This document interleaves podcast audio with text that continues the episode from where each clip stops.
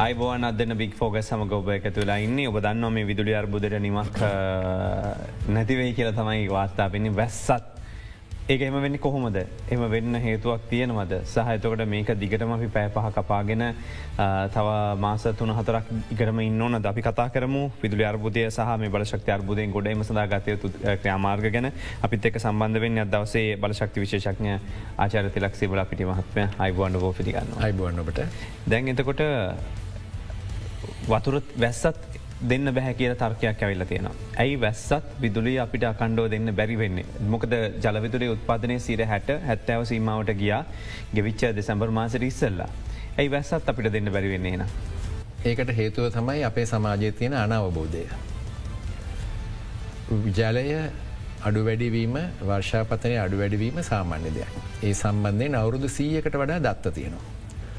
අවුරුද්ධ මේ කාලේ වහින්නෑ කියන්නේ අලුත් සොයා ගැනීමක් නෙමේ. ඔබ නිකන් හිතල බැලුවත් සමාජයේ ක්‍රීඩා තරග බික් මච් ඔක්කොම සිද්ධ වෙන්න මේයක් මේ කාලෙට ඒකන මේක වැස් අඩු කාලේ ඒ අලුත් සොයා ගැනීමක් නෙමේ. එතකොට නමුත් දැන් අපිට ඇහෙනවා මේ තෙල් ඔක්කොම තිබුණත් විදුලිය දෙන්න විදිහක් නෑ ජලය අඩුවි කියලා. ජලය අඩුයි තමයි මේ කාලේ. ඉතින් ඒ අනුව තමයි විදුලි බල පද්ධතිය සැලසුම් කරන්නේ. මා නිතරම කියන ආකාරයට විදුලිවල පද්ධතිය සඳහා විසි අවුරුදු සැලස්මක් තියෙනවා අවුරුදු දෙකින් දෙකට එක යවත් කාලීන කරනවා. එතකොට විදුලි බලාගාරයක් හදන්න අවුරුදු පහක් ගත වෙනවා. එතකොට අද මේ අර්බූදයට එක හේතුවක් තමයි අවුරුදු පහකට කලින් කළ යුතු දේ නොකිරීම. මේකේ අපිට කිය කිය ඉන්න පුළුවන් අපි ඉස්සර ඒව කරේ නෑ ඒව කරේ එක තම ප්‍රශ්න කියලා. නමුත් ඉස්තර කරේ නෑ කියන හරි කරන්න බැරි වුණ හරි ගියාන්ඩුවෙන් කරන කියල අතපසු වේජනය කරම මේ මොහොතේ වැදගත්වනය මුකුත් වෙලාන්නේ අපි මුහුණ දෙන්න කොහොමද කියන එක. මම හිතන්න ඉස්සර නොකළපු දේවල් ගැන කියා කියන එක වරදක් නෙමේ අපි ඒවයින් පාඩම් ඉගෙන ගන්න ඕන නමුත් අපි පාඩම් ඉගෙන ගන්න සමාජයක් හෝ පාඩම් ඉගෙන ගන්න තීරණ ගන්න කට්ටියක් නෙවෙන ඉන්නේ. දැන් ඔබගේ කලට වෙලාවට නිවසක් ඉදි කළේ නැත්තම් ඔබට වෙන්න කුලියට ගන්නයි ගයක්. ඉතින් ඒක වෙන ඉතින් විදුලි බල පද්ධතිට ඔය කතන්දරේම තමයි ගයක් හදන් අවුරුදු දෙකක් ගත වුණට විදුලි බලාගාරයක් හදන්න අවුදු පහක් ගත වෙන සමහර බලාගරට අවුරු දහයක් ගත වෙලා තියෙනවා ඒක අරුම පුදුම දෙයක් නෙමේ බලාගාරයක් කියන ඩොලර් මිලියන පන්සියක් විතර වේදන් කරන ආයෝජනයක්. ඉතින් හදිස්සේ ගන්න තීරණ හැම වෙලායම මිලාදිකයි. ඒකෙන් අහවලා හම්බ කලා හවලා මොනහරි කලා කියලා කියන්න පුළුවන් ඔබට දැන් විදුලිය නැතින ඔබට මොකද කරන්න පුළුව ඔබට ළඟව තියෙන කඩට ගිහිල්ලා ඩීසල් ජනක යන්ත්‍රය තියෙනවන ඒ කාරගෙන පොඩි එකක්න කරේතියාගෙන ඇවිල්ලා ඩීසල් පොම්ප කරලා විදුලිය නිෂ්පාදනය කරන්න පුළුවන් විදුලි එකක් රුපියල් එකසේ පණහක් වෙයි. නමුත් විදුලි බල මණ්ඩලේට ඔය ඩීසල් ලීට්‍රේ දැම්මුත් ඕකේ නරකම බලාගාරයෙන් වනත් රුපියල් සීයට අඩුවේ විදුරිය නිෂ්පාදනය කරන්න පුළ නරකම බලාගාරෙන. නමුත් අපි ඩීසල් බලාගාර නැතුව ඊට වඩා මිල අඩු විදුලි බලාගාර හැදුවනම් ගල්ලඟුරු බලාගාර ඒවගේ න්‍යෂ්ටික බලාගාර රජය කැමතින ඒවා මවරුතීරණ ඔයිට වඩා රුපියල් විස්ස වගේ ප්‍රමාණයට විදුලේ නිෂ්පාදනය කරගන්න මේ ඔක්කොම හැදුවනං හැදුවනං කියන කතාන්. ඇයි මේ තියන ප්‍රශ්නය කළමනා කරණය කරන්න යෝජනා කරන්න. තියෙන ප්‍රශ්නය කළමනා කරණය කරන්න පුළුවන් ඒ යම්කිසි සීමාවන් යට තියෙනෙ. එතකොට දැන් අපි නොවම්බර් මාස තිබුණ තත්වය වලු නොවම්බර් මාස තිබුණ තත්වය තමයි අපේ ජලාශ සම්පූර්ණයම පිරුණ සමහර ජලාශ උතුරාගිය. ඒ කියන්නේ ගිය අන්තර්මෝසම් වැස්ස සාමාන්‍යයට වඩා ඉහලින් තිබුණා. ඒකන්නේ ජලවිදුලි පද්ධතියේ විදුලි ඒකක මිලියන එකදස් දෙසීයක් ගබඩා කරලා තියෙන තත්ත්වේ තියේදි තමයි අර්බෝධයට රට ඇතුල්ලුනේ. අර්බෝධය දෙයාකාරයිනේ. පලවෙනි අර්බූදය විශේෂ විශේෂාන්ගේ තමයි මේ සියලුම බලාගාර හොඳ තත්වෙන් ක්‍රියාත්මකුණත් පාරිභෝග ඉල්ලීම ලබාදීමට අවශ්‍ය කරන ධාරිතාව නෑ. නමුත් මම කියන්නේ ධාරිතාව තියෙන මෙගවොඩ් ගාන එකතු කරලා නෙවේ. නමුත් ඒ එක මෙගවොඩ් ගණනෙන් අවුරුද්දේ මේ වකවානුවේ අපිට ගන්න පුළුවන් විදුලි ධාරිතාව සලකා බලලා. එතුර දෙවැනි කාරණය තමයි මේ තියෙන බිදුලි බලාගාර සංකලනයේ තෙල්වලින් දිවෙන බලාගාර විශාල ප්‍රමාණයක් තියෙනවා මේ ගෝට් එක දස් දෙසියක් පමණ තියනවා මේ සඳහා තෙල් සැපීමේ ප්‍රශ්නයක් තිබුණ අපි කවුරුත් දන්නවා. ඉතින් අරක හැදුවෙන මේක හැදුවෙනය කියලා කියනව ඇරෙන්න්න මේ හදිසිය කරන්න පුළුවන් දෙයක් නෑ නමුත් මෙහෙම බලන් දැන් සාමානය අපි ඩොලමිලින හාරසියක් විතර දියලන් කළ තෙල්ගේනවා. එක මිලියන එකසිය පණහා කියන්නේ විදුලි බල අමාත්‍යංශයට වනතම් විදුලි බල පද්‍ර විදුලිය නිපදවන්න. දැන් අපි මේ ෆර්න සොයිල්ලින් දුවන බලාගාරවලට ඩීසල් තමයි දෙන්නේ. ඇයි මේ අඩු පිරිවයක් තියන දේවල්? එමනත්තන් ඇයි අපිට ගේන්න බැරි දැවිතෙල් ටික?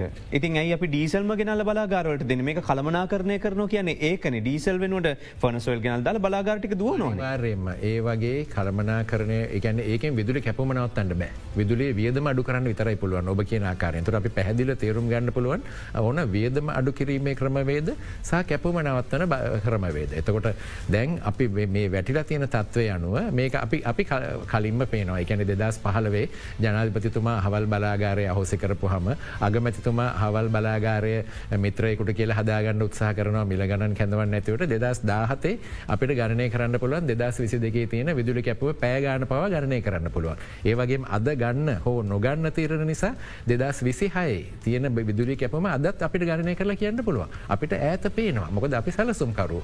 ඉතින් ඔබ අහපු ප්‍රශ්නය තමයි අපි මේ තත්වයට වැටුනට පස්සේ අපිට වියද මඩු කරගන්න පුළුවන් දැවිතෙල් පිළිබඳ ප්‍රශ්නය මම යෝජනා කරන්නේ අපේ පිරිපහදුව ක්‍රියාත්මක වෙනවනම් ඒකෙන් දැවිතෙල් නිෂ්පාදනය වෙනවා. එහෙම නැතිනම් අපි වහම නිර්පිරි පහදුව නවත්තනන වහම දැවිතෙල් අපි ආනය කරන්න දැවිතෙල් ආනය කරන්න මාසගාන කියන්නේ නෑ.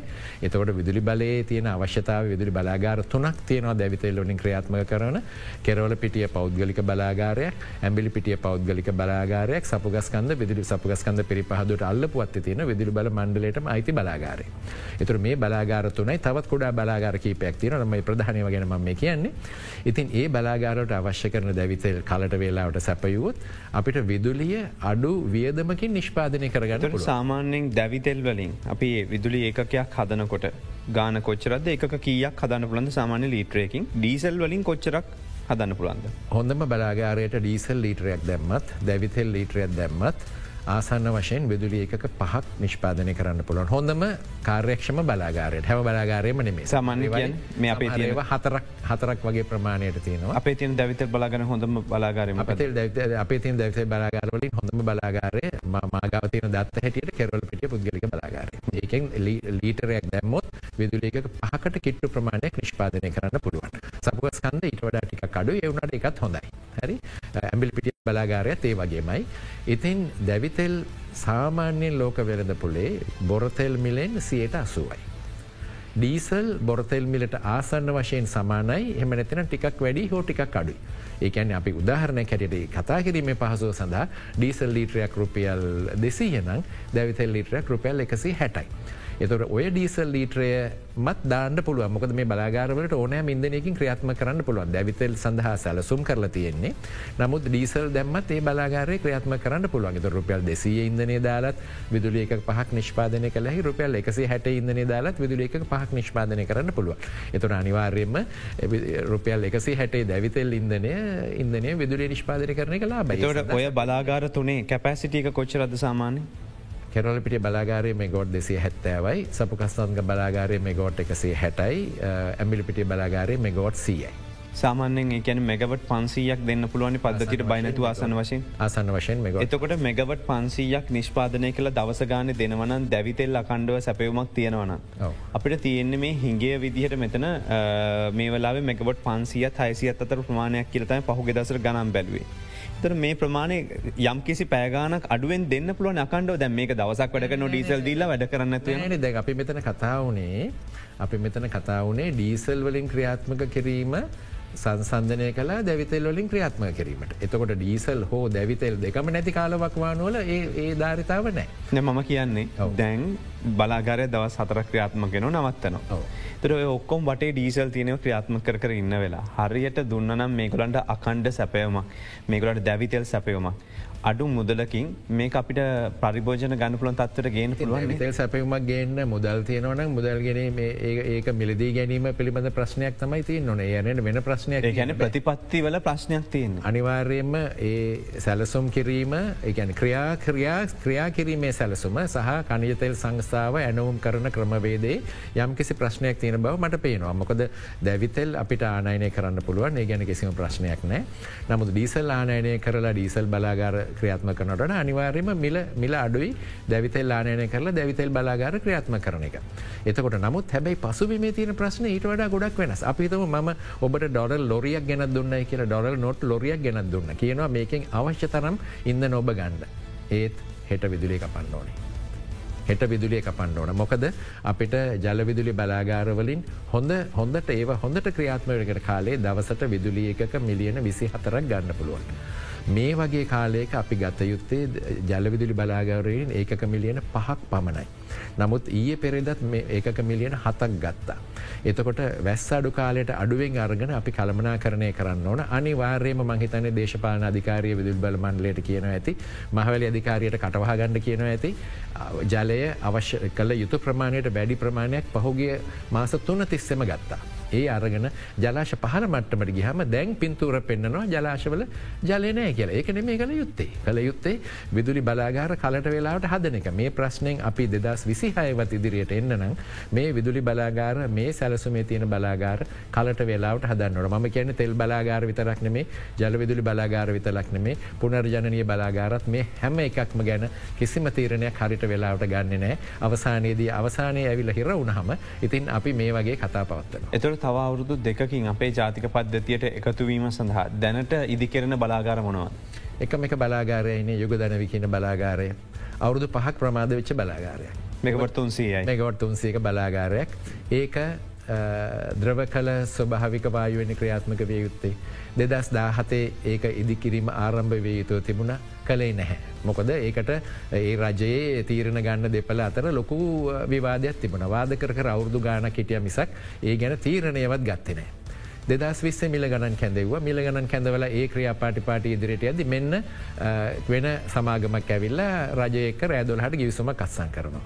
නමුත් ඒ ඒ ක්‍රම දෙකෙන්ම කිසිම පර්යන්තයක් ඉදිවෙනවා අපිට පේනෙ නෑ එතකොට අවසාන ප්‍රතිඵලය සමහරයට උසාවිවල නඩුතියයි මේ හදන යුගදනවි බලාගාරයත් දැන් තියෙන කෙරවල පිටිය බලාගාරයත් කැලනි තිස්සේ බලාගාර සමූහයත් මේ වෙද්දි ද්‍රව කළ ස්වභාවික වායුවෙන් ක්‍රියාත්මක විය යුතුව තිබුණ දෙදස් දාහතේ අර තීරණටික ගත්තනම්. ඒගොල්ලො රණ්ඩු කර හිටිය. දැන් දෙදස් විස්සේ මේ ගොල්ලු රණ්ඩු කර ඉන්නවා. අපිට බලාගාර තිබුණට මිල අඩු ඉදන නෑ. ඒ වගේම නොරච්චෝලය අංක හතර ජනකයන්ත්‍රය හෝසි කලා මේ දැ මාසාහයකට කලින් ඔය රුපියල් විස්සට විදුලේ නිෂ්පාදනය කරන අංක හතර ජනකයන්ත්‍රය මේ හයමාසකට කලින් හෝසි කලා. එතකට මහජන උපගතා කොමිසම මේ ගැන මුකුත් කතා කරන්න නෑ මේ රුපියල් විස්තර නිෂ්පාදන කර ඔබ මයිකිව රුපියල් විස්සයි කියලා. එතකොට ඒ අහෝස කල දැන් විසිහයද කියන්න පුළුවන් නොරච්චෝලි අවුදු විස් රුපියල් විස්තර නිෂ්පාදන කරන ඇයි මේ ඩීසල් බලාගාර දුවන්න කියලා. ඉතින් මේක හරියට තේරුම් ගන්න ඕන සැලසුම්කරු හැටියට අපිට මේ ඉලක්කන්ටික හොඳට පේනවා. මේ වෙන විනාශය අපිට පේනවා. දැන්නෙ මේ විනාශය පටන්ගත්තේ එක්දස් නවසය අනු දෙකේ. එතකොට ආසන්න වශයෙන් අවුරුදු තිහක් තිස්සේ මේ විනාශය අනුව මගේ ගණනය කිරීම හැටියට අපේ ආර්ථකයට රුපියල් බිලියන දොලහක් සොරි ඩොලර් බිලියන දොලහක් නාස්සය කරලා තියෙන්නේ. ඒ නාස්සිය කොහොමද මෙන්නේ අවශ්‍යදය කලට වෙලාවට කරන්න හදිස්සුරහම තෙල් බලාගාරගෙනවා ඒ තෙල් බලාගාරවලට ගෙවන අමතර වියදම රුපියල් සොරි ඩොලර්ස් බිලියන දොලහක් අපි අමතරව පුච්චල ණය අරගෙන පුච්චල විදුලිය ප්‍රශ්නයක් නෑ කියලා ජනතාවට පෙන්නල තියෙනවා. මේ මවත්තැන් දැ ඔබ සඳහන් කරන විදිහට මේකට අපි නොරච්චෝල හිතමක නොරච්චෝලේ සිව්වන අදියර අවලංගු කරනවා කියන. හැබැයි එතකොට මෙගවට තුන්සියක් ගැන අපි කතා කරන්නේ.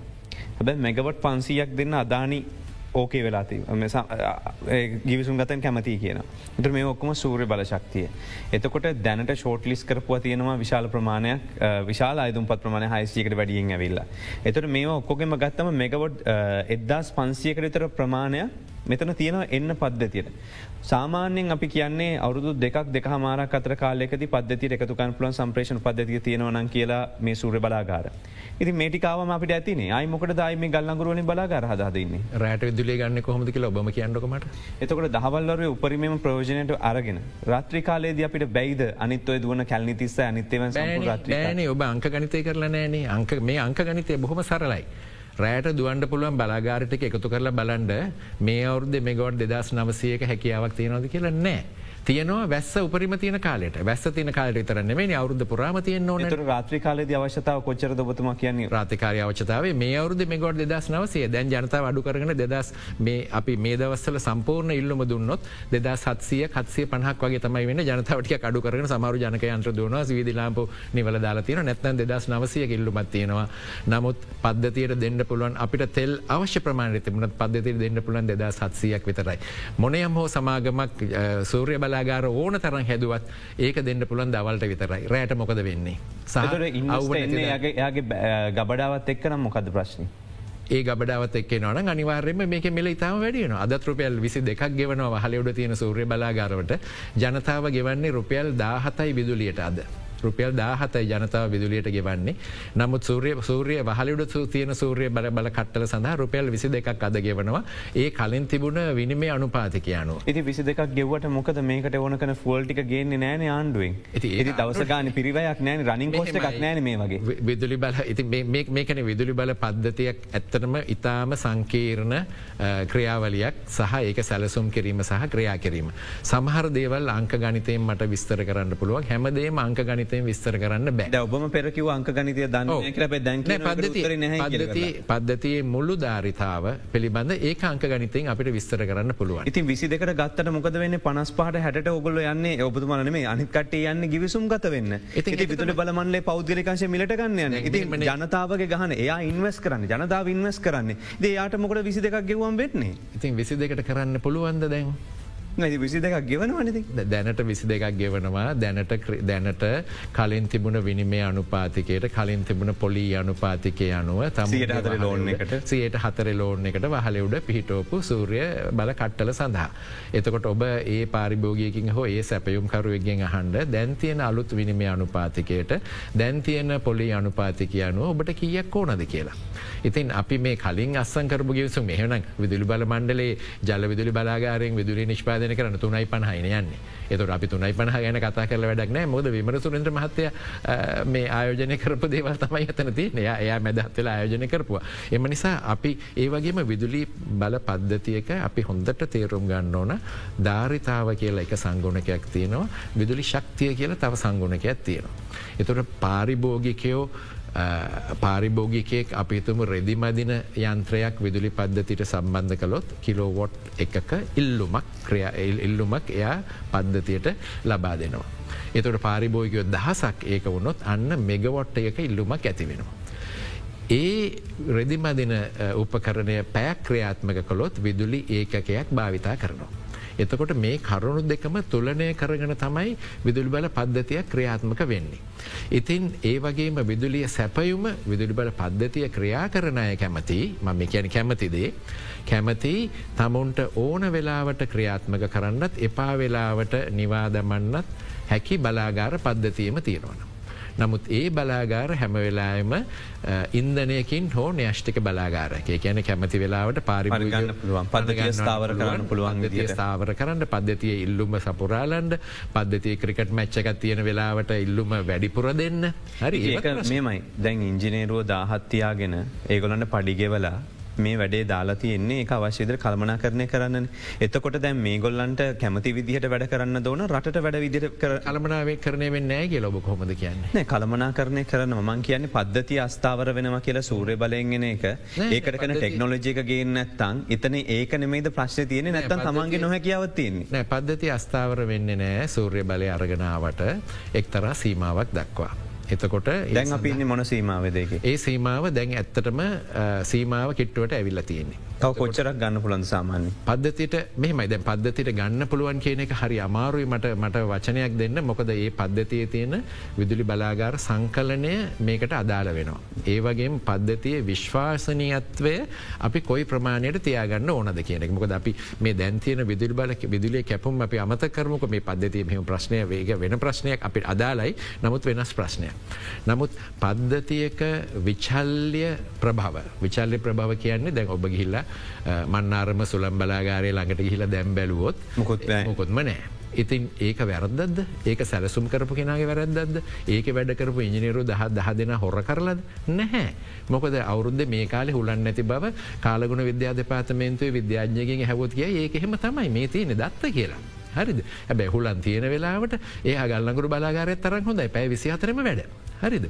එතකොට මේ එක එක ප්‍රභවල සීමාවන් තේරුම් මරගෙන ඒ වගේම තව තාක්ෂණක කරුණු තියෙනවා. එකැන්නේ දැන් ගූර්ණය ඒ වගේම ගතික චාලක ශක්තිය කියනද ඒකත් අවශ්‍යය පද්ධතියකට. මොකද පද්ධතියකට දැන් කර්මාන්තා අතනක විශාල මෝටරයක් පණගන්නවන්න විදුලිබල් මණ්ඩලට කොල්ල එකක් දෙන්න ඕනෙ නෑනේ ඒ මෝටරේ පණගන්නන එතකොට ඒ පණගන්න පොම ඒ මොහොතෙම ඒකට අවශ්‍ය කරන විදුලිය ප්‍රමාණය දෙන්න පුළුවන් වෙන්න ඕන. එතකොට සූර්ය බලාගාරවල උපරිම ප්‍රමාණය නිෂ්පාදනය වෙනවනම් සුළම් බලාගාරත් හැකි ප්‍රමාණය උපරිම නිෂ්පාදනය වෙනවනම් හදිස්සේ පාරිබෝයක ඉල්ලන ඒ අමතර විදුලිය දෙන්න පුළුවන් තාප බලාගාරයකට විතරයි. ඉති මේ කරුණ ඔක්කොම සංකලනය කරලා තමයි පද්ධතිය සැලසුම් කරන්නේ. එතකොට ඒ සැලසුම් කලාට පස ඒ සැලසුම් කඩාකප්පල් වෙනවන මොනවර හේතුවන් නිසා පුද්ගලයෝ එන්ජෝ ඒ වගේ මොනහර නිසා කඩාකප්පල් වෙනවන ඊළඟට පද්ධතිය අර එමර්ජන්සි ස්ටේටස් කියන එකට යන ඒකන් එමර්ජන්සි ස්ටේටස් එකට ගහම හදිසිය කරන දේවල් තමයි කරන්න එතකොට කොහෙන් හරි ගන්නවා. ඉතින් මම ඇත්තට මේ කරුණු ගැන කතා කරන්න කැමතින හදිසිය කරන දේවල් මේ සමාජය ඕනම දෙයක් අප හදිසිය කරන තත්වර පත්කිරීමක් නෙමේද මේ තියන ඒ ඕනකට කියන්න බෑ. මට මට ඔබ විශේෂඥය වුණ ඔබට පේන පැ මේ ඔක්කම කරුණ ලස් කනතර පේනන මේක ඕන කමින් කරන කඩාකප්පල් කාරිකාව ඕන කමින් කරන කිසිම දෙයක් මට පේනෙන මේ වෙලා ඕන කමින් කරන කිසි දෙයක් මට පේන මට මෙන්න මේ දේ පේනවා. පද්ධතිය ජලවිදුලිය භාවිතා කළ යුතු ප්‍රමාණයට වඩා වැඩි ප්‍රමාණයක් භාවිතා කරලා තියෙනවා ජනවාරි ජනවාරි පෙබ්‍රවාරි මාර්තු කාලය ඇතුළත. ඒක අනිවාර්යම මොකද රජය කීප දිගින් දිගටම කියීටන විදුලි කැපුමක් එන්න එන්න එන්න කියලා. එතකොට අනිවාර්යම වැඩියෙන් ජලය භාවිතා කළේ විදුලි කැපුමක් නැති බව ජනතාවට පෙන්න්නල පෙමනතු නොරොච්චෝලේ නැතිවෙච්ච එකත් එක්ක මෙගවත් තුන්සියක් නැති වුණනා එතන? එතකොට දෙසැම්බර තුන දෙසැම්බර තවට ඒක හින්ද එතන තුන්සිය නැතිවුණෑම් පස්සේ ඒක හින්ද මේ වතුරටික ප්‍රෝජන්ට ගත්ත කියන්න බයිද. ඒකත් එක හේතුවක් වෙන්න පුළුව නොරච්චෝලේ අංක දෙක බලාගාරයමට මතක විදිර අංක දෙක ජනකයන්ත්‍රය දෙසැම්බර් තුන්වැනිද පද්ධතිය තිබුණ බිඳ වැටීමත් එක්ක හදිසි ස්ටොප් එකට එකන් ෂඩ්ඩව් එකට ගිය. ඒ ෂඩ්ඩව් එකෙන් නැවත පණගන්නන්න සාමානින් දව සතර යන්නේ. නමුත් මෙතන මට මතක විදිට සති තුනක් ගත වුණ. අනිවාර්යලේ අනිවාර්යම ඒ කාලේ. මාසයක් වෙන්න පුළුවන්. අනිවාර්යම ඒ කාලේ පද්ධතිය සැපයම පවත්වා ගැනීම සඳහා ජලය භාවිතා කලා ඒ වගේම ඉන්නත් භාවිතා කල ඒ කාලේ ඉන්න ප්‍රශ්නය අපිට පෙනෙන්න්න තිබුණ නෑන මේ කරුණු දෙක සිද්ධ වුණ. නමුත් ඊට පස්සේ ජනවාරි මාසය තමයි අපිට ඇත්තටම වියලි කාලගුණේ පටන්ගද දෙසම්බර් මාසත් වැස්ස තිබුණ. එක තමයි සාමාන්‍ය වැඩ සාමාන්‍ය වර්ෂාපතන චක්‍රය ඔය. ඒකැන මේ ලොකු පෑවිල්ලක් හෝ ලොකු වැස්සක් නෙමේ මේ තියෙන් අපි මේ සාමාන්‍ය වර්ෂාපතන චක්‍රය දකින්නේ. ඉතින් මේ පද්ධතිය මේ තත්වට පත්වනාට පස්සේ කළමනා කරණය ගැන ඉතාම ප්‍රවේසම් වෙන්න ඕන මිට මිට කලින් අවුරුදුලත් මේ වගේ තත්ව තිබුණ ඇති මර නිතරම කියනවා වගේ මේ අර්බුදේ දෙදස් දහට එන්න තිබුණේ. මේ අර්බුදේ දෙදස් දහට එන්න තිබුණේ ආවෙ නෑ මොකද දෙදස් දහට වෙද්දි ආර්ථිකයේ ආර්ථිකය වර්ධන වේගේ අඩුවන. දෙදස් දහනමේ මේ අර්බුදේ කට කරමුලට බව ඔබට මතකනං අප්‍රේල් මාසේ විදුලි කැපුම් ටිකක් තිබුණ. මේ බලාගාර ටිකමයි තිබුණේ මේ වැස්සමයි තිබුණේ ඉන්දන ඇතිවෙන්න තිබුණ නමුත් විදුලි කැපමත් තිබුණ. දෙදස් දහන මේ අප්‍රේල් සිද්ධීම් පස්සේ ඉල්ලුම අඩුවන ආර්ථිකය වේගේ අඩුවන සංචාර කර්මාන්තය බිඳ වැටුණ එම නිසා ඔන්න දැන් අර්බෝධය සැඟවුණ.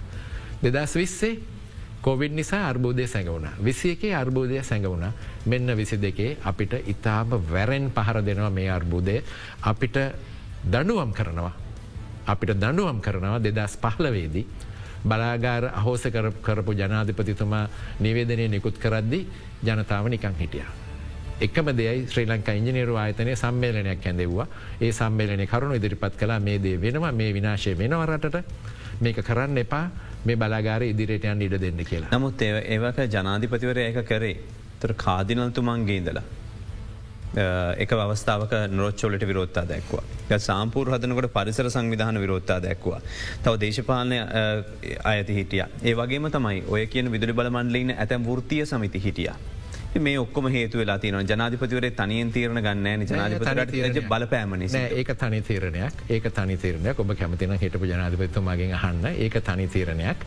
ඒක එකට මම දන්නා කාරයට උසාවී නඩුවත් තිබුණ. ඕනෑම බලාගර බොහෝ බලාගරවලට උසාවියේ නඩු තියෙනවා. හරිද මොකද ඒකෙන් අගතියට පත්වෙන ජනතාව ඉඩමක් නැතිවෙන ජනතාව එහෙම නැතිනම් පරිසරය බලපෑම පිළිබඳ තමුන්ට චකිතයක් තියෙන ජනතාව එන්ජෝ ඒවට විරුද්ධව විරුද්ධව නඩු පවරන හිල කොත්මලේ බලාගර ඔබ ගිල බලට දැන් අවුරු දහයකේ ක්‍රියාත්මකන නඩු පවරල විවිධ හේත නිසා අවුරු දහය ප්‍රමාද වෙලා හැදුව ඒක තේත් එක හැදවා. නොරච්චොලි බලාගාරය අවුරුදු පහලව ප්‍රමාදයි නඩු තිබුණා. විරුද්ධතා තිබුණ. නමුත් ඒක ඒ සියලුම දේවල් මැඩගෙන මැඩගෙන නෙේ ඒවට පිළිතුර දීලා මැඩ ඒ විනාශ කරන මේ ඒවට පිළිතුර දීලා ඒ ප්‍රශ්න ප්‍රශ්නවට ඇහුම් කන්දීලා විශේෂ විශේෂ ක්‍රම සහවිදි හදලා ඒ බලාගාර හැදවා. එතකට නමුත් අපිට සාමාන්‍යයෙන් වරින්වර එනවා රජයවන් මොනෝහරි රජයන් මොනොහරි පොඩි විරෝධතාවයක් තියෙනවා නම් රජය පස්සටනවා. නමුත් අනිතරටවල අපිට පේන ඉන්දියාව තමිල්නාඩුව තමිල්නාඩුවේ විදුලි බලාගාර අලුතෙන් හදනව ගල්ලඟුරු බලාගාර හතරක් මේ වෙලා වෙද්දි සූරය බලාගාර සුලම් බලාගරත් විශාල ප්‍රමාණයෙන් හදනවා. මේ හැම එකටම විධ වර්ගේ විරෝධතා තියෙනවා. නමුත් ඒ රජය ඒ විරෝධතාවට බෝන දෙනවා මොකද විරෝධතාවක් එන්න ජනතාවගේ දුක් ගැනවිල් ඇතියෙන හිදන. නමුත් අපේ රජයන් අපිට පේන්නේ සමහරේවා සහ බොහෝ ඒවා විරෝධතාවයක්කාවහම උසාවේ නඩුවත් තිබුණහම ඒ නඩුවට කරුණු ඉදිරිපත් කරලා ඒ දුක් ගැනවිල්ල විසඳන්න නැතුව බලාගාරය හෝසේ කියලා තනි පුද්ගලයෙක් නිවේදනයක් නිකුත් කරනවා. හරි එතකොට සාම්පූර් බලාගාරයට ම හිතන්නේ ආගමික විරෝධයක් එහෙම කිසිම දෙයක් තිබුණයි කියලා එන්ජියෝ එකකින් පවරපු නඩුවක් පමණයි තිබුණේ. ඒකත් මට මතක විදිහට ඒ පරිසර අනුමැතිය ලබාදීමේ ක්‍රමවේදේ වරදක් තියෙන බව තමයි ඒගොල්ල කිව්වේ. ඉතින් නමුත් ඒ වෙලාවේ මම කැමති නෑ මේ බලාගාර හදනවට. ම හවල් රට ගිහ මේ ගොල මට පෙන්වේ සූර්ය බලාගාර විතරයි. ලංකාවෙත් සියලූම විදුලිය ලබා දෙන්න පුළුවන් සූර්ය බලාගාරවලින් කියලා. දෙදස් පහලවේදී ඔය සාම්පුර් බලාගාරය හවස කලා ඔබ සම්ප්‍රේෂණ පද්ධතියත් හදල ඉවර සම්ප්‍රේෂණ පද්ධතියට වැඩ ආරම්භ කලවරද ඔබකිවන මෙගොඩ් පන්සියයි පද්ධති හිගේ කියලා මගේ ලක්කම ඒකම තමයි. ඒ මෙගොඩ් පන්සේ කියන සම්පුර් බලාගාරය. ඒක සූරය බලාගාරයක් වුණට ඒ අපිට කරන්න බෑ සූරය බලාගාරයක් වුණන රෑටනෑ. ඒ සාම්පූර් බලාගාරය නැතිවීමේ විපාකය තමයි අපිට මේ පේන්නේ. හොඳයි අපි කතා කරන්නේ මේ තියෙන ගැටලුව සම්බන්ධයෙන් මොකද සාමාන්‍ය ප්‍රශ් කිරීමට එහට කියල අපිට දැනගන්න පුළුවන් තීරණ ගත්ත තීරණල වැරදි සහ ගණන්වලින් ගත්තැන් පස්සේ කොච්චර පාඩුවක් සිද්ධ වෙනවද කියලවෙරලා සමහර තීරණත් එක් අපි තවදුරටත් මේ සාකච්ඡා විදිරට ගෙනයම් මේ විරාමේ අනතුරුව.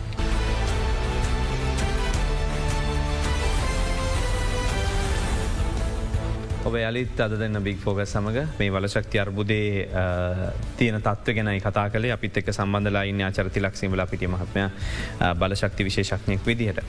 ඔබදම සඳහන් කරේ ඉන්දියාවේ තියෙන තත්ත්වය සම්බන්ධයෙන් අවසානයට. හැබැ බංගලාදේශ තත්ව මීටඩ වෙනස් වෙනවා. ඒගොල්ලෝ හදන්න ගත්ත බලාගාර එගොලො ගල්ලංගුරු බලාගාර නවත්තල තියෙනවා. එතකොට ලෝක ට්‍රෙන්ඩ් එක මෙතන තියද අපි නිකන් ගෙනල්ල මේ ගල්ලංගුරු ගහගන්න හදන ඇගේ වගේ එකක් හිතෙන නැද්ද පව නෑ බංගලදේශය ගැන ඔබට තියෙන තොරතුරු ඇරදි. බංගලදේශය මුලින්ම ආරම්භ කළේ ඒගොල්ලන්ගේම ස්වභාවික වායුවෙන් විදුරිය නිෂ්පාදනය කරන්න. අපිට තියෙන ප්‍රශ්නයම ඒගොල්ලන්ට තිබුණා. බලාගාර හදනවා හදන්ඩ සූදනම් වෙදී හවසි කරනවා. ඒ හේතුව නිසා ඒගොල්ලන්ගේ විදුලියෙන් මට මතක විදිහට සියට තිහක් වගේ ප්‍රමාණයක් මේ වගේ හදිසි ඩීසල් බලාගාරවලින් තමයි ක්‍රියාත්මක වුණේ. දැන් අවුරුදු දහයකට ඉතර කලින් අපි සලකා බැලොත් දෙදස් දොළහයි වගේ. නමුත් ඒ රජය ඉතා පැහැදිලි තීරණයක් ගත්තා. සමහර බලාගාර පුද්ගලිකාංශයේ සමහර බලාගාර වැඩි ප්‍රමාණයක් රජයයි පුද්ගලිකාංශයයි ජොයින්ට වෙන්ච දැ කෙරවල පිටිය වගේ. ජොයින්ට වෙන්ච. ඒ අනුව තමයි ඒගොල්ලෝ ගල්ලංගුරු බලාගාර විශාල ප්‍රමාණය මේ නොරච්චොල වගේ වන මොකද මංගලදේශත් විශාල රටක් ඉල්ලුමත් ඉතාම විශාලයි. ගල්ලංගුරු බලාගාර තුනක් හැදවා. එකෙන් දෙකක් අද විදුලිය නිෂ්පාදනය කරන අනිත්තකත් අනිත්තකර සම්පූර් වගේම තව බලාගාරයක්. එහ ඉන්දියාවත් එක ජොයින්ට් වෙන්චර එකක්. ඒක විදුලිය නිෂ්පාදනය කරන්න නියමිතයි. ගල්ලංගුරු බලාගාර මට මගේ දැනගැනීම හැටියට දෙකක් හෝ තුනක් ඒගොල්ලො කල් දැම්ම සමහිට අහෝසි කලා වෙන්න පුළුවන් මොකද ඒගොල්ලු අතිශය වේගෙන් එම්මෝයු ඒකන්නේ අවබෝධතා ගිවිසුම් අස්සං කරගෙන අස්සං කරගෙන ගිය. එතකොට ඒගොල්ලන්ගේ ක්‍රමවේද අනුව මුලින්ම මිල ගණන් කැඳවල අවබෝධතා ගිවිසුමක් අස්සං කරනවා. ඊට පස්සේ තමයි ව්‍යාපෘතිය වැඩකටයුතු ඒකන් ව්‍යාපෘතිය සැලසුම් මුදල් සොයා ගැනීම අවසාන වනාට පස්සේ තමයි ප්‍රධාන ගිවිසුම අත්සං කරන්නේ. එතකොට මේ අවබෝධතා ගිවිසුම් අත්සං කරලා ඉදිරියට ව්‍යාපෘති අද නොයකුත් හේතු නිසා ප්‍රමාද වෙනවා ඒ පාර්ශයට මුදල් සොයා ගැනීම. එතකොට අර මුලින්ම ඉදිරියට ගිය බලාගාර තුන ඒගොල්ලො ආරම්භ කරලා ඒක ඉදිරියට කරගෙන ගිය නමුත් ඒකට පසුගාමී වුණ ගල්ලඟුරු බලාගාර කීපයක් ඒගොල්ලෝ අහෝසි කලා ඒක ඇත් ඒකන්නේ හදමින් තියනව හෝසි කලේ නෑ. අවබෝධතා ගිසුම් කීපයක් ඉදිරියට අරගෙන ගිය නෑ. ඒක අදහස් වෙන ඒගොල බලාගර හදන්න එක ඒගොල සිරමර්ගේ බලාගර ගොල ගල්ලංගරුවලින් මිදිල කිය කියන්න බයි මොක දෙගල අලුතෙන් ගල්ලංගරල ගල ශ්ික ශක්තියට ගිල්ල තිබෙන අලුතෙන් ඒ වෙනුවෙන් ගිවිසුම් ගත වනා මේ ගිය විච මාස දෙකට ඉස්සල්ල තොර ඒගොල්ලෝ මේක වෙනස් වෙලා තියෙන එකන ලෝක මේකින් ගල්ලංගරුවලින් අයින් වෙනවා වගේ එකක් නැ ලෝකය ගල්ලංගරුවලින් අයින් වෙනවා. මෙන්න මේ තත්ත්වය යටතේ. ඒ ඇන්නේ ගල්නගරුවලින් සියට හැට හැත්තාවක් විදුලිය ලබාගත්ත යුරෝපය සහ න්‍යෂ්ටික බලාගාරවලින් සියට තිහක් පමණ විදුලිය ලබාගත්ත යුරෝපය මං ආසන්න වශයෙන් කියන්නේ. එතකොට යුරෝපයේ ගෑස් සම්පත ඒගොලන්ට ලැබුණහම ඒකන්නේ මහ බ්‍රතාන්ය නෝවේ එතකොට නැගනිර යුරෝපේ රටවල් දැන් අපිට හැන රුසියාව යුක්‍රේණය උස්බෙකිස්ාන් කර්ගස්ථාන් කිසි කිර්ගිස්ථාන් ඒ මේ හැම රටේම ගෑස් සම්පත තියෙනවා. එතකොට මේ ගෑස් සම්පත අපි දන්න අනිවාර්යෙන්ම ඒක ගල්ලඟරුවට වඩා පරිසර හිතකාමී. ඉතින් ඒ වගේම යුරෝපය එක න්‍යෂ්ටික බලය විශාල වශය නිෂ්පාදනක රටක් තමයි ප්‍රන්සේ. දැ ප්‍රන්සේ මූද මටේ ඔබ සිතියම කළම් බලන්න තිත්තිත් දාල් තියෙන්නේ න්‍යෂ්ටික බලාගාර. එතකොට මේ පද්ධතිවලින් විදුලිය ලැබෙද්දී මොකද මේ තත්වයට එද්දිත් ඒගොල්ලන්ගේ ජනතාවගේ විදුලි අවශ්‍යතාවයන් සම්පූර්ණ කරලා මුළු යුරෝපයටම සියට සියක් විදුලිය ලබාදීල ඒගොලන්ගේ ජීවන තත්වත් ආර්ථික මට්ටමත් ඉතාම හෙළ මට්ටමට නංවන තිබුණේ. අද වනත් යුරෝපයේ රටවල්වල ඒක පුද්ගල විදුලි පරිභෝජනය අවුරුද්ධකට විදුලි ඒකක දොළොස් දහයි ම මේ ආසන්න වශයෙන් කියන්නේ රටින් රට වෙනස් වෙනවා. ලංකාව මේක හත්සීය යොබ දන්නවද. ලංකාව මේ ඉලක්කම හත්සීයයි. එතකොට යුරෝපේ රටවල් ඒගොල්ල භාවිතා කරන ගල්ලඟුරු බලාගාරයක් ඒක ඒක කාලය ඉකුත්තුන් හම එක සාමනෙන් අවුදු තියත් හතල අතරම කාලය ඉකුත්තුන් හම ඒ වෙනුවට හදන්නේ ගෑස් බලාගාරය. එහෙම නැතිනම් සූරිය බලාගාරය මොකද පද්ධතිය ස්ථාවරව තබා ගැනීම සඳහා අවශ්‍ය තරම් බලාගාර ඒගොළු ගාව තියනවා. එහෙම නැතිනම් මුළු යුරෝපයම එකට එක සම්ප්‍රේෂණ මාර්ගවලින් සම්බන්ධ වෙලා නිසා අල්ල පුරටවල්ලින් තමුන්ගේ ධාරිතාව ලබාගන්න පුළුවන්. ඉතින් අපි ඒ වගේ රටකොයි අපි වගේ දූපතකොයි සහ පාරිභෝජන මට්ටම ඉතාම පහලතත්වේ තියෙන මගේ පාරිභෝිකය වරදක් හැට කියන්න පාරිභෝික හොඳයි පාරිභෝග අපේරට පාරිභෝග හරියට විදුලිය සංරක්ෂණය කරනවා එම නිසා තමයි අපිට මේ වගේ ජීවන තත්වයක් ලබාගන්න පුළුවන් පුළුවන් බිදුලි එක හත්සය ඒක පුද්ගල පරිභෝජනය. නමුත් අපි මේ පද්ධතිය අපේ පද්ධතිය තව ස්ථාවර කරගන්න ඕන. ආර්ථික වශයෙන් සහ තාක්ෂණික වශයෙන්. මේ දෙකම ස්ථාවර කර ගැනීම නම් අපි එක වර්ගයක බලාගාරය කදර හරියන්න මේ විදුලි බල පද්ධතියක් කියන්නේ ලෝක ඕනම රටක් බලන්න හොඳට පද්ධතිය පවත්තාගෙන රටක විදුලි බල පද්ධතියක් කියන්නේ බලාගාර කීපයක සංකලනයක්. ඒක පුනර්ජනය බලාගාර විතරක් නෙමේ නෑෂ්ටික බලාගාර විතරක් නෙමේ ගල් හඟුරු බලාගාර විතරකුත් නෙමේ තාක්ෂණික වශයෙන් වශයෙන් සහ ආර්ථික මේ වශයෙන් හොඳටම ප්‍රතිලාබ දෙන සංකලනය තමයි අපි තෝරගත යුත්තේ ලංකාවේ සැලසුම් ක්‍රමවේදයත් ඔය ප්‍රතිපත්තිය මත තමයි රඳා පවතින්නේ. අපිට මේ තියෙන ජලවිදුලි බලාගාරෝලින් අපි දකිනවා ද මේ වගේ තව වැඩි කරන්න පුළුවන් ස්ථාන තියනවා. හැබැයි ඒවට යොමුවෙනවා අඩුයි. මේක කළ යුතු දෙයක්ද එමනැත්තම් දැම් ජලවිදුලිය කියන එක ඇති අපිට. නෑ කළ යුතු දෙයක් සාමාන්‍ය වශයෙන් අපේ ගණන් හැදීමනුව ප්‍රධාන වර්ගේ ජලවිදුලි බලාගාර අපි හදල ඉවරයි. ඒ කියන්නේ මෙගොට් පණහට වැඩි ධාරිතාවක් තින බලාගාර හදල ඉවරයි. මොකද ජලය උස් මට්ටමක තියෙන්න්න ඕන. ඒ ප්‍රදේශයේ භූගෝලිය ලක්ෂණ අනුව අපිට ඒ ජලය පහලට ගන්න හැකියාව තියෙන්න්න ඕන. එතකොට ඒ ජල ප්‍රමාණය සහ ජල පෝෂක ප්‍රදේශය සෑහෙන සෑහෙන් ඕන එතකොට තමයි ජලවිදුලි බලාගාරයක් ආර්ථික වශයෙන් ප්‍රතිලාභ ප්‍රතිලාභයක් ලබා දෙන්නේ. එතුර විශාල ප්‍රමාණය වයිපරයි දැන් රෝඩලන්ස් බලාගාරය අවුරුදු තිහකටිතර කලින් යෝජනාකරු බලාගාරයක් දැන් අවුරු දහැක් තිස්සේ ඉතර හදලා මම හිතන්නේ ඒක දැන් විදුලිය නිෂ්පාදනය කිරීමට ඉතාම ළඟයි. ඒවගේම මොරගොල්ල කියන ස්ථානයේ මහවැලිගගේ නාවල පිටිය ආශ්‍රිත ප්‍රදේශයේ බෙදුලි බලාගාරයක් ඉදිවීම පවතිනවා මේකත් මේ වෙලාට එකත් මේ ගෝට් විසි පහතිය ඒ පරාසේ තියෙන බලාගාරය පණහට අඩුයි. නමුත් අපි ඊටත් වඩා කුඩා ජල විදිලි බලාගාර අනු හයදී රජය ඉතාම හොඳ තීරණයක් ගත්තා මේ කුඩා ජල විදුලි බලාගාර විදුල් බල මණ්ඩලේ මේ හදන්න ඕන මොකද විදුල් බල මණ්ඩලේ ක්‍රමවේද වෙනස්.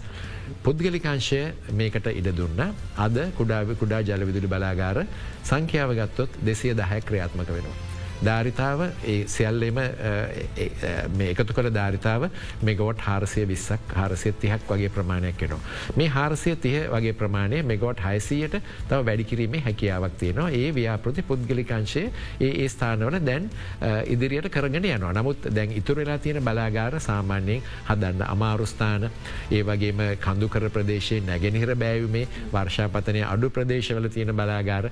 ඉතින් මේ මේ ප්‍රශ්න ගොඩක් තියෙනවා. ඒ ප්‍රශ්න මධ්‍යේ සමහර පුද්ගලිකංශය මේවා කරගෙන යන එම නිසා දැන් ජලවිදුලියෙන් ලැබෙන ධාරිතාව සලකා බැලුවොත් මෙගෝට් එක දස් හාරසයයි ප්‍රධාන ප්‍රවාහේ මම ආසන්න මෙගොට් සියට කියන්නේ.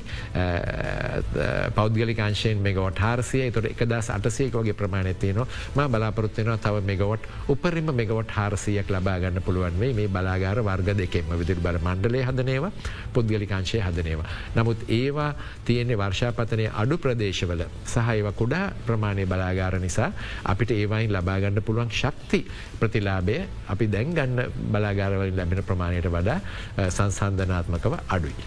අපි අලි විරාමිකට යොමලයි නම අද දෙරන බික් ෆෝකස්.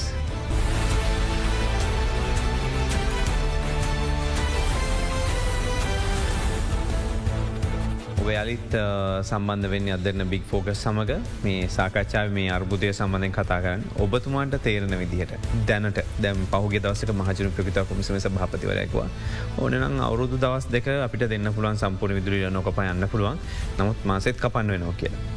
දුර අප්‍රේලුත් කපලා මැයි වැස්සත් මේ විදුලි කප්පාදු යන්න වෙනවාද. මෙමන මැයි ජූනි මාසවල වර්ෂාපතනය අනුව බොහෝ විට තීරණ ගණ්ඩ වෙනවා තාප බලාගාරවල නඩත්තු කටයුතු ක්‍රියාත්මක කරන්න.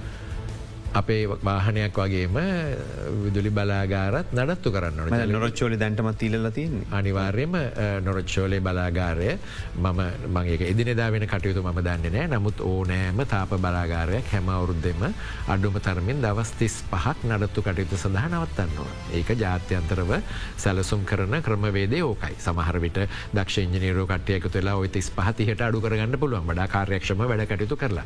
සමහර විට ඒගොල්ලන්ගේ නඩත්තු ක්‍රියාපට පටිපාටි අනුව දවස් විස්සක් එක දිගට මේක නවත්තල නඩත්තු කටයුතු කරලා ආය මාසගේ පෙර පසේ තව දවස් පහලවක් නවත්වීමේ අවශ්‍යතාවය තියෙනවා.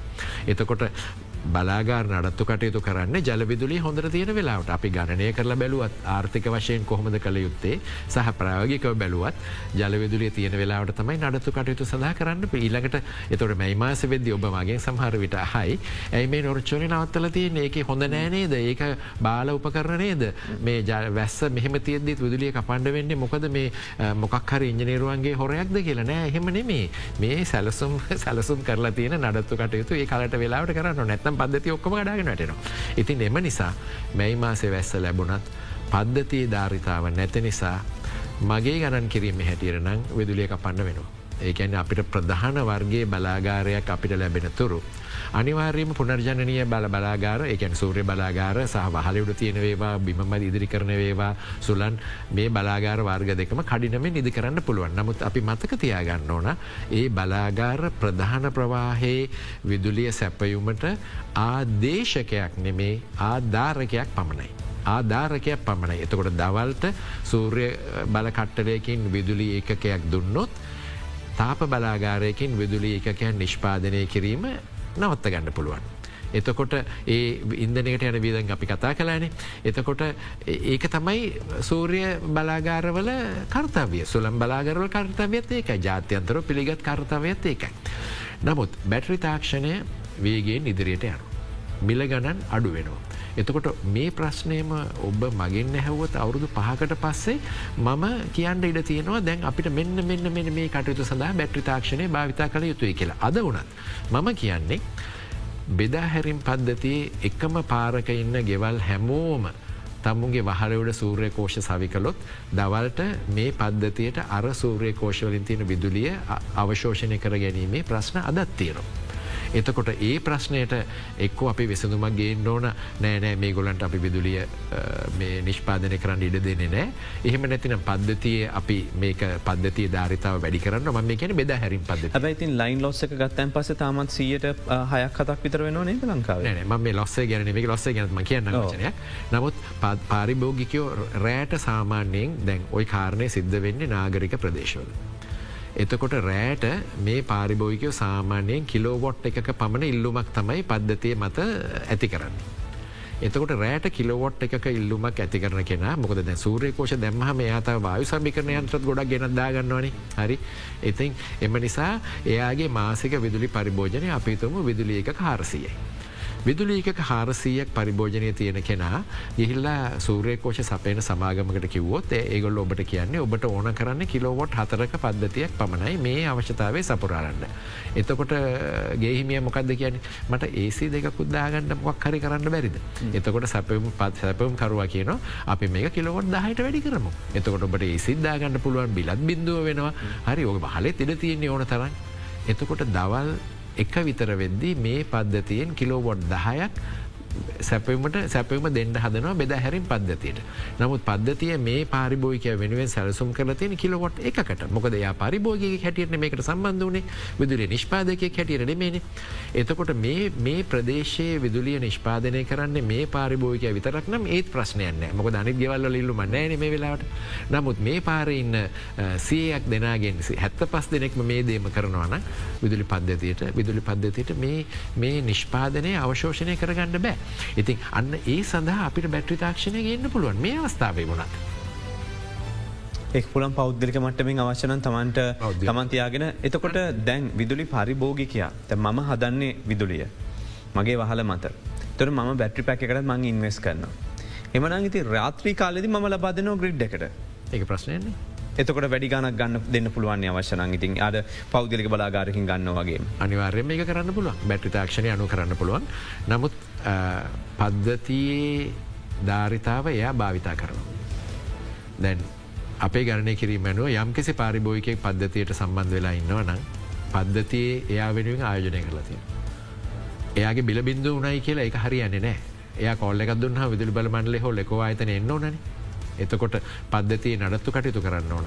එතොට ඒ සඳහා ස්ථාවර ස්ථාවර ගස්සුව කියයාගේ යුතු අනි හැමරටේම තියෙන්නේ මෙමයි. අනි හැමරටේම තියෙන්නේ පද්ධති ස්ථාවර ගාස්තුව මේකයි ඔබ ඕනම රටක බොහෝ රටවල්ල විදුලි බිලාරම් බලන්ට ස්ථාවර ගාස්තුව වැඩි. ස්ථාවර ගාස්තුව වැඩි. ශක්තිය සඳහා විදුලි ශක්තිය සඳහා ගාස්තුව අපිතම ලංකා වෙන ගනට රුපෙල් පහලොයි. එතර කිසියම් පාරිභෝගයකට පුළුවන් රුපයල් පහලවට වඩා විදුලිය නිෂ්පාදනය කරගන්න එය කරපුවාවේ. නමුත් පද්ධති ස්ථාවර ගාස්තුව ගෙවන්න ඕට මොක දෙයක් පද්ධතිර සම්බන්ධ වෙලායින්නන්න. අන්න ඒ විදිහ මිල්ල ක්‍රමවේදයකට අපි ආවොත් විදුලි බල පද්ධතිය අද එක පැත්තට විදුලිය ගමන් කරනවා වෙනුවට දෙපැත්තට විදුලිය ගමන් කිරීමත් ඒ වගේම විදුලි බල සැපයුම් ආයතන කරන්නේ මේ පද්ධතිය පීටවා නඩත්තු කිරීමත් පමණයි. මේක යන හැම විදුලි ඒකකයටම ඒකකම විදුලි බල මණ්ඩලයට අයිතිවීම අවශ්‍ය වෙන්නේ නෑ. මහමාර්ග පද්ධතිය වගේ මහමාර්ග පද්ධතිය හදල දුන්නට පස්සේ ඒක යන වාහන අයිති මේ මහමාර්ගමත්‍යංශන නෙවෙනේ පුද්ගලික අංශයට තම ඒවා අයිති අන්න ඒ ඊට අනුරූප ක්‍රියාවලියක් තමයි දැන් ලෝකයේ ඉදිවෙමි ලෝකයේ බිහිවෙමින් පවතින්න ඉතින් ඒ සඳහා අපේ පද්ධති සූදානම් කරන්න ඕන තාක්ෂණික වශයෙන් විතරක් නෙමේ ආර්ථික මේ වශයනුත් පාරිභෝගකයෝ කැමතිවෙන්න ඕන අදාළ මිල ගෙවන්න. ඒ කියන් කියත්. පදැන් ඔබ කියැන් දැම් පහලවට පහල දාසයට පහලින් දෙන්න පහලවයි දාසය දැන් විදුලි විදුලි ඒකකයක් එකන් අපි මෙහෙම සරලෝ බැලුවොත් විදුලි බිල්ඩික කෙනෙකුත් කරනවන. මේක මිලගාන තියෙනවන යටින් ඔබ මේ ගවන්න ඕන එක මේ ඉලක්කටි ඔක්කෝම එකතු කරලා ඒ බිල්ල තියෙන විදුලි ඒක සංඛ්‍යාවෙන් වෙදපු හම එන උත්තරය රුපියල් දාහතයි.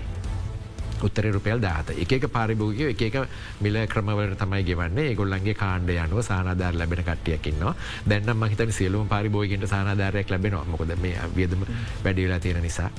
මට මේ අවුරුද්ධ මිල ගණන් කියන්න බෑ. නමුත් දෙදස් විස්සී එකේ විදුලි ඒකකයක් නිෂ්පාදනය කරල පාරිභෝයිකයි දොරකොඩට අරංයෑමේ ජාතික සාමාන්‍යයාගේ විසි එකේ ඒක රුපියල් විසිත්තුනක් පමණ වුණා. එතුර විසිතුනක් වටින පාරිභෝයික බාණ්ඩය තමයි දාහතට දෙන්නේ. එතකොට රුපැල් හයික පාඩුවක්නේ එතවට මේ පාඩුව කවරුහරි දරන්න ඕන විදුල් බල පනතය කියලා තියෙන්නේ රජය සහනාධාරය කැටියට විදුල් බල මණ්ඩලට දෙන්න. ඉතින් ඒ සහනාධාරය දෙන්නේ. ඔබ කියන් මිල වැඩ කිරීමක් කර යුතුයි කිය අනිවාරය කියද. අදාල මිල නිෂ්පාදන වේද බල පනතේ තියෙන කතන්දරේ මම කියන්න පනතේ තියෙන්නේ මෙච්චරයි. මහජන උපයගතා කොමිසමට විදිරි බල මණ්ඩලයත් ලෙකෝ ආයතනයක් තමුන්ගේ ඉදිරි හයමාසේ සඳහා වියදම් ඉදිරිපත් කළ යුතු. ඉදිරි හයමාසයට. එකට දිනවකවානු දීලතිය. ඊළඟට මහජන උපයතා කොමිසම් මේ ප්‍රශ්න කරන්න ඕන ඔබේ කාර්ය මණ්ඩලේ වැඩි ඔබේ බිදුරි හානිය වැඩි මේ අඩු කරගන්න ඕන එම නිසා මේ ගණන් අඩු කරලා අපි අපි අනුමත කරනවා මෙන්න මේ වියදම. පනත කියලතිනවා ඒ අනුමත කලාට පස්සේ මහජන උපගතා කොමිසම රජයට දැනුම් දීමක් කරන්න පුළුවන්. දැනට විදුලිය විදුලිය විකුණු මිල ක්‍රමය අනු ආදායම මෙච්චරයි. උදාහරණ කැඩි රුපියල් දාහතයි අපි අනුමත කළ වියදම අනුව විදුලියේ වියදම රුපියල් විසිතුරයි.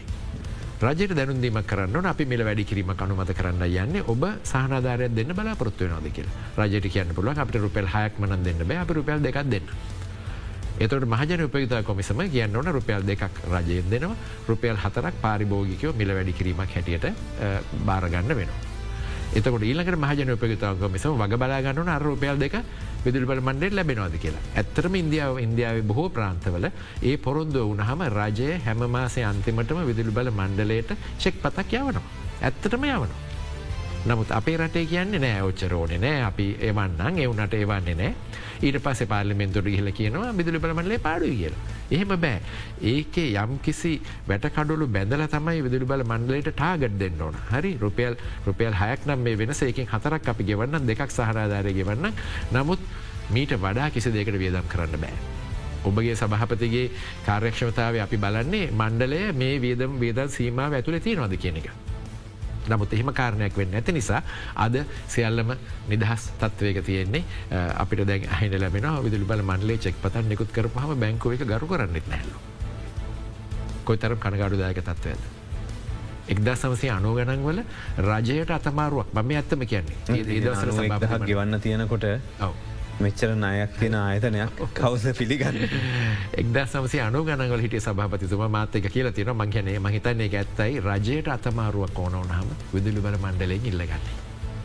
ඕක තමයි අනු ගණගල තිබුණ තත්වේ මාදන්න විදිර පෞද්ගලික නිෂ්පාදකන්ට කරන ජලවිතුරි බලාකාරවලට එකලන්න භාගය ගවල තිබේ ද මාසක ඩිස්සර ඉතුරුව වගවලත්නෑ ගල පස්සේ දෙන්නම් කියල තියන්නේ කවද හම්බේදි කළගලන බලගන්න වෙනවා. තවත් තත්වේ නරක් වෙනවා මිසක් හොඳ වෙන්න ක්‍රමයක් නෑ. මොකද වියදම පාරිබෝයිකට දැනුම් දෙන්න නැතිනම් පාරිබෝයික හිතන්න මේක ඉතාම මිලාඩු පාරිබෝයික බාණ්ඩයක් කියල මේ අනිවාරෙන්ම අදෛරමත් කිරීමක් කරනවා හැරෙන්න්නට දිරිමත් කිරීමක් නොකළ යුතුයි. අපි කතා කළ ආචාරය තිලක් සිම්ලා පිටිය මහත්මඇත් සමඟ හැබැයි මේක තමයි ප්‍රශ්නය තින් ඔබට මට මුහුණ දෙන්න ලතියන් තත්වේ නමුතිතින් මොකක්ද උත්තරේ උත්තරයක් නෑ කියන තමයි කියන්න තියන්නේ තව මාස කීපයක් යනතුරු මාස කීපකින් බලාගාර හැදයිද එය තවත් කැටලුවක් බොම සූති සම්බන්ධනාට පුතුමාට. අපි වැඩසටහන අවසන් කරනවා මේ හදදන බික්පෝස්.